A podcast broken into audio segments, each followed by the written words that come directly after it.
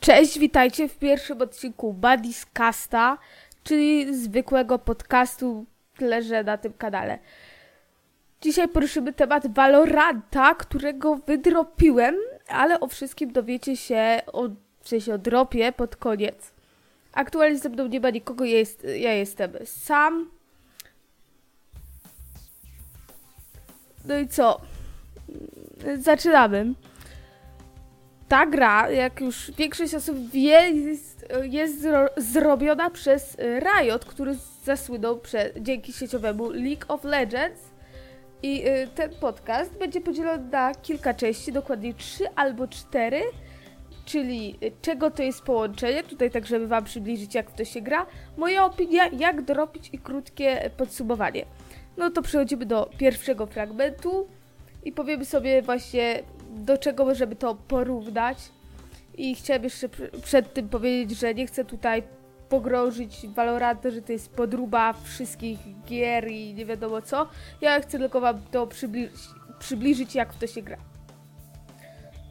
No i tutaj jeszcze mam kolejne trzy podkategorie, postacie i, postacie i y, sklep, w sensie kupowanie broni, rozgrywka i mapy ogólna, i ogólna szata graficzna.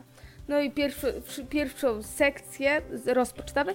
I może to zabrzmieć trochę dziwnie, ale tutaj postacie i sklep to połączenie według mnie Brawl Starsa i CS-a, bo mam tutaj do wyboru bodajże 10, 10 postaci, która każda ma jeden ult i y, trzy zwyczajne ataki. Ult się ładuje w miarę grania, a zwyczajne ataki się kupuje w sklepie, takie granaty trochę w CS-ie.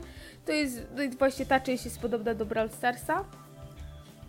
No i kupowanie jest podobne do CS-a. I dru druga podkategoria mm, y, rozgrywka i mapy. Tutaj jest to bardzo podobne do CS-a. No mapy i rozgrywka w sobie tak. Y, tyle, że jest tu trochę więcej większe są wszystkie dziury i jest trochę więcej miejsca na taką taktykę. Te mapy są takie trochę bardziej taktyczne według mnie. To nawet widać na początku. No i również mi się tutaj podobają e, dubbing, który jest, bo te disy osób, które zabiją kogoś, zdubbingowane przez aktorów głosowych na język polski są bardzo dobre i oczywiście wszystko jest zdubbingowane na język polski i są wiadomości do czatu głosowego również, które można sobie wybrać za pomocą przyciskania yy, przecin przecinka.